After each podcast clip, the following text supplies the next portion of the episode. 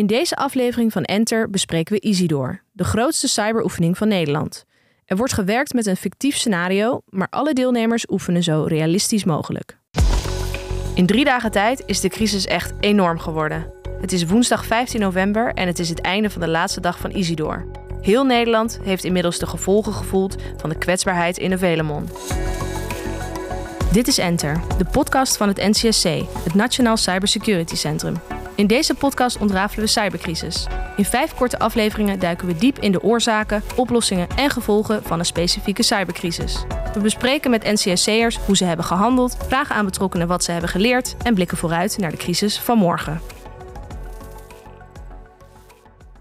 We gaan eerst luisteren naar de opnames van mijn bezoek aan KPN in Hilversum. Daar ging ik vanmiddag langs en sprak ik met verschillende mensen in het heetst van de strijd. We waren er namelijk precies op het moment dat KPN naar code rood opschaalde. Nou Doreen, uh, gisteren hebben we al in aflevering 3 gesproken uh, over de crisis uh, op dag 2 we lopen hier eigenlijk tegen het lijf uh, op de werkvloer van KPN. Hoe gaat het nu? Ja, nou klopt. Nou ja, waarschijnlijk uh, krijg je hier veel mee uh, van de hectiek die speelt. Dus echt wel heel erg dreiging op dit moment. Wij zijn in de hoogste staat van paraatheid. Dat waren we al, maar nou ja, nu helemaal. Oké. Okay. Reek, we hebben elkaar maandag gesproken.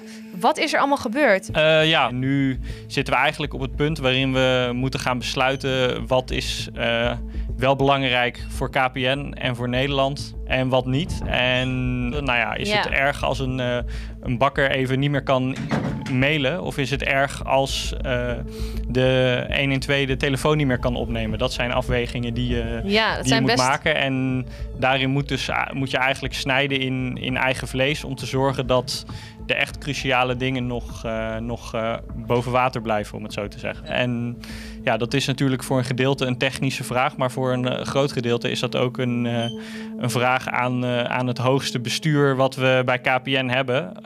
om te zeggen, oké, deze gevolgen accepteren we wel en deze gevolgen niet. We moeten nu echt radicaal besluiten om, om dat soort dingen te doen. Alleen, ja, ik kan van, snap vanuit de techniek misschien net iets sneller hoe, wat de gevolgen kunnen zijn. En ja, de grootste uitdaging is dat overbrengen op, op anderen, zodat die beslissingen die uiteindelijk niet door mij, maar hoger gemaakt moeten, moeten worden, dat ik, ja, daar probeer ik eigenlijk nu druk op uit te oefenen om, om daar zo hard mogelijk uh, in, uh, in te grijpen. En wat is dan het doemscenario? Het allerslechtste scenario wat KPN kan overkomen?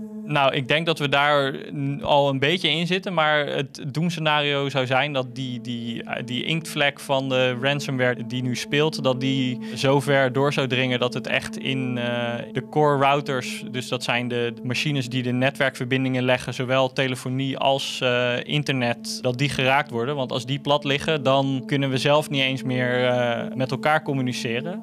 binnen KPN, maar ook daarbuiten. Dus dan zou al het internetverkeer in Nederland kunnen uitvallen voor alle klanten van KPN en uh, de telefonie. En ja, dan. Uh, Raken dan geïsoleerd. ja, dan, dan werken waarschijnlijk de meeste digitale systemen die we in Nederland hebben uh, niet meer. En nou ja, klanten van ons zijn sectoren als overheid, energie, transport. En dan zouden daar ook dingen echt tot stilstand komen. Ja.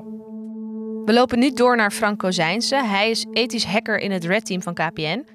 Frank, wat hebben jullie gedaan toen jullie hoorden van de kwetsbaarheid in de Velemon? We hebben gekeken wat er uh, allemaal fout was. We hebben de adressen waarop uh, mogelijke vreemde gedragingen uh, plaatsvonden hebben doorgegeven. Die zijn door het set geblokkeerd. En daarna hebben we een stukje software geschreven om ervoor te zorgen dat het pakket verwijderd wordt. Je vertelde dat jullie maandag eigenlijk al een oplossing hadden, maar dat de kwetsbaarheid in deze oefening hardnekkig bleek. Ondanks jullie oplossing staat KPN er op dit moment niet heel goed voor. Hoe kan dat? Op alle systemen die we kenden is de software verwijderd. Maar ja, we hebben ook nog wat, uh, wat legacy systemen. Uh, Bij ons de blinde vlek. Ja, daar hebben we de software niet kunnen verwijderen. Dus uh, vandaar dat we hier nu staan. We lopen nu naar een ingelaste business call die op het punt staat om te beginnen. De crisis is nu zo heftig dat het zomaar eens zou kunnen zijn dat KPN gaat opschalen naar code rood. Ja, Zijn we compleet? Volgens mij wel, hè? We gaan naar code rood. En die zat er dik aan te komen.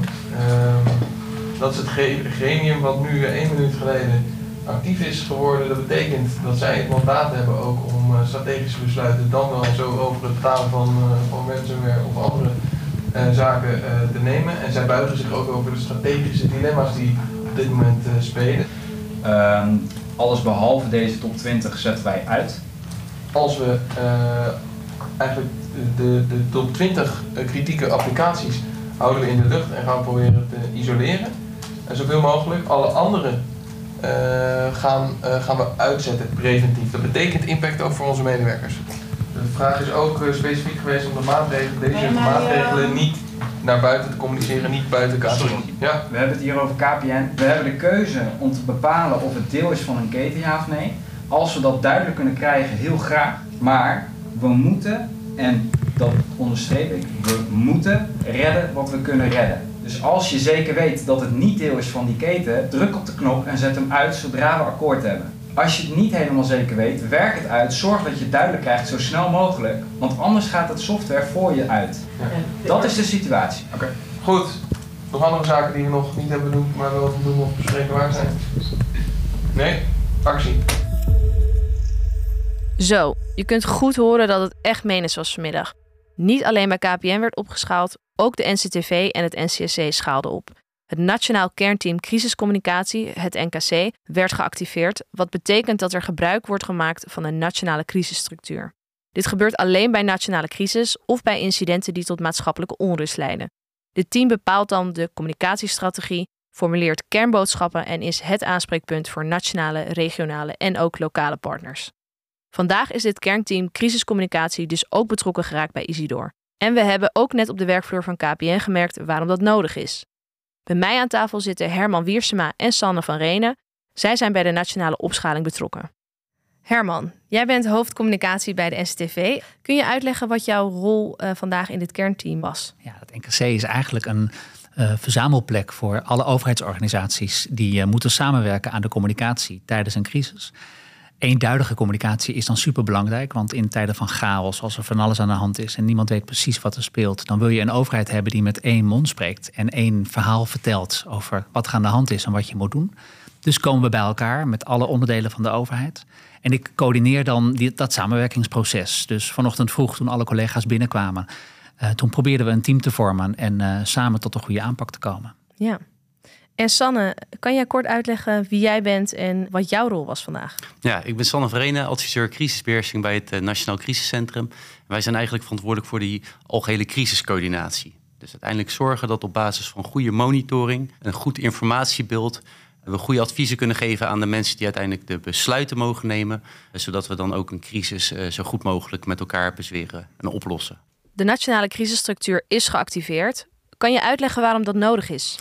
Ja, dat was in dit scenario was dat uh, zeker nodig. We zagen natuurlijk wel echt een aanloop waarbij in eerste instantie eigenlijk alleen de digitale omgeving werd geraakt. En dan is het met name aan onze collega's van het NCSC die in charge zijn zeg maar, om dat uh, samen met alle partners goed handen en voeten te geven. Maar in het verloop van het scenario zagen we eigenlijk dat er steeds meer effecten waren richting uh, ja, echt de maatschappelijke effecten en ja. ook de impact op de vitale infrastructuur. Dus de vitale processen zoals elektriciteit en gasvoorziening. En dat zijn dan overwegingen om echt uh, met elkaar interdepartementeel samen te komen om over uh, maatregelen en besluiten te gaan nadenken. Ja. ja, want waar we eigenlijk aan het begin van de crisis nog niet duidelijk wisten hoe we de kwetsbaarheid van Available moesten inschatten, hoe dat zat en hoe dat precies kwam, weten we nu wel dat het echt onderdeel is van een cyberaanval.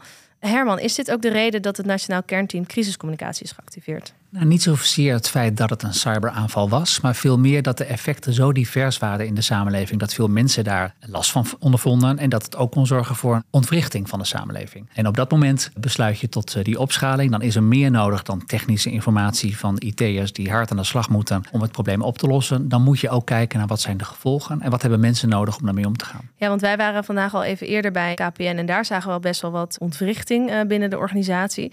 Ik ben eigenlijk wel benieuwd hoe jullie dag eruit heeft gezien op het Nationaal Crisiscentrum. Ja, we zijn, hadden natuurlijk al een aanloop van, uh, van twee dagen. Dus er was al duidelijk uh, dat er meer aan de hand was. En vandaag was dan ook echt afgesproken dat we echt in interdepartementaal verband in een crisisteam bij elkaar komen. Dus dat betekent dat we ochtends met een dagstart intern goed kijken wat alle acties en maatregelen zijn. Dat de mensen bij ons op de front office nog extra goed gaan monitoren op wat de actuele situatie is. Dat we mensen hebben die zich echt actief gaan bezighouden met het samenstellen van het meest actuele beeld. Ja. Andere collega's die daar een duiding op pr- proberen te geven. En daar vandaan richting dat eerste crisisoverleg alle voorbereidingen proberen te treffen. Nou, en daaromheen moeten ook alle faciliteiten goed geregeld zijn. Dus Ja, dat heeft ook natuurlijk. met toegang te maken. Eh, en zorgen dat de mensen ook de juiste informatie op tijd tot zich kunnen nemen. Zodat ze daar een effectieve overleg met elkaar kunnen voeren. Ja. En bij jou, hoe, eh, hoe zag jouw dag eruit? Dat begon met het eh, welkom heten van eh, al die collega's, die communicatiecollega's die dan samen dat eh, kernteam vormen. En wat we altijd doen aan de communicatiekant is eerst luisteren. Dus onze omgevingsanalisten die zoeken uit wat zijn de gevoelens in de samenleving, welke vragen leveren, waar hebben mensen behoefte aan. Dat kan soms anders zijn dan wat er daadwerkelijk aan de hand is. En je probeert met je communicatie goed aan te sluiten op die buitenwereld. En dus ga je je afvragen welke woorden moeten we gebruiken, welke adviezen zijn er nu passend. En eh, hoe kunnen we zorgen dat we met communicatie mensen helpen om om te gaan met eh, dat enorme ongemak dat er was.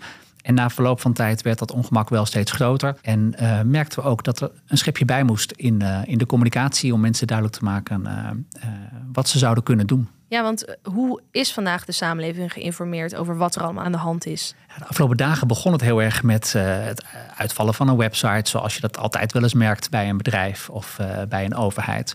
Eh, dan kan die organisatie dat prima zelf vertellen en uitleggen. Eh, dan helpt het al wel als iedereen gevoed wordt door dezelfde informatie over wat is nou precies dat cyberincident. En dat was ook het woord dat we aanvankelijk eh, hebben gebruikt. Dus niet crisis, maar incident. Precies. Ja. Eh, ook omdat we nog helemaal niet precies wisten wat er nou aan de hand was. Maar na verloop van tijd werd het meer dan dat soort ongemak. En dus hebben we als Rijksoverheid ook gezegd... nu is het tijd voor een centrale boodschap... voor één vindplek waar iedereen informatie kan vinden... over wat er aan de hand is. En uiteindelijk hebben we aan het einde van de dag besloten... er kan nog een tandje bij. We moeten mensen ook echt actief gaan informeren... via sociale media, misschien met een persconferentie... over wat we verstandig vinden om te doen... En dat is in dit geval toch ook nadenken over: ben ik voorbereid op een paar dagen eh, zonder water? Kan ik even zonder gas? Ja, dat Wat als de eh, telefoon u- uitvalt? behoorlijk serieus. Zeker, ja. En dus zoek je ook steeds naar: is dit nog passend? Hè? Zijn we niet paniek aan het veroorzaken, maar zijn we mensen bijna die onrust aan het wegnemen? Want dat is wat je wil met communicatie. Je wilt mensen grip geven, het gevoel dat ze kunnen bijdragen aan het oplossen van, eh, van deze crisis. En dat is dus continu wegen en, en zoeken. En daarvoor hebben we dan gelukkig een team met al die communicatiemensen van die verschillende ministeries en uitvoeringsorganisaties. Ja, dus er denken natuurlijk heel veel mensen over mee. Vanmiddag bij KPN zagen we dat er allerlei stekkers uit systemen werden getrokken. En dat echt de maatschappij ook geraakt werd. Eh, ze kregen enorm veel berichten ook. eh, en toch ook wel angst dat de vitale sectoren ook verder nog geraakt worden. Hebben jullie dan bijvoorbeeld ook contact met een partij als KPN over de manier waarop zij vervolgens weer eh, hun communicatie naar buiten brengen? Aan de communicatiekant loopt dat altijd via ministeries. Dus de mobiele telefonieproviders die hebben contact met eh, het ministerie van Economische Zaken, de OV-bedrijven met eh, INW, de, de banken met financiën.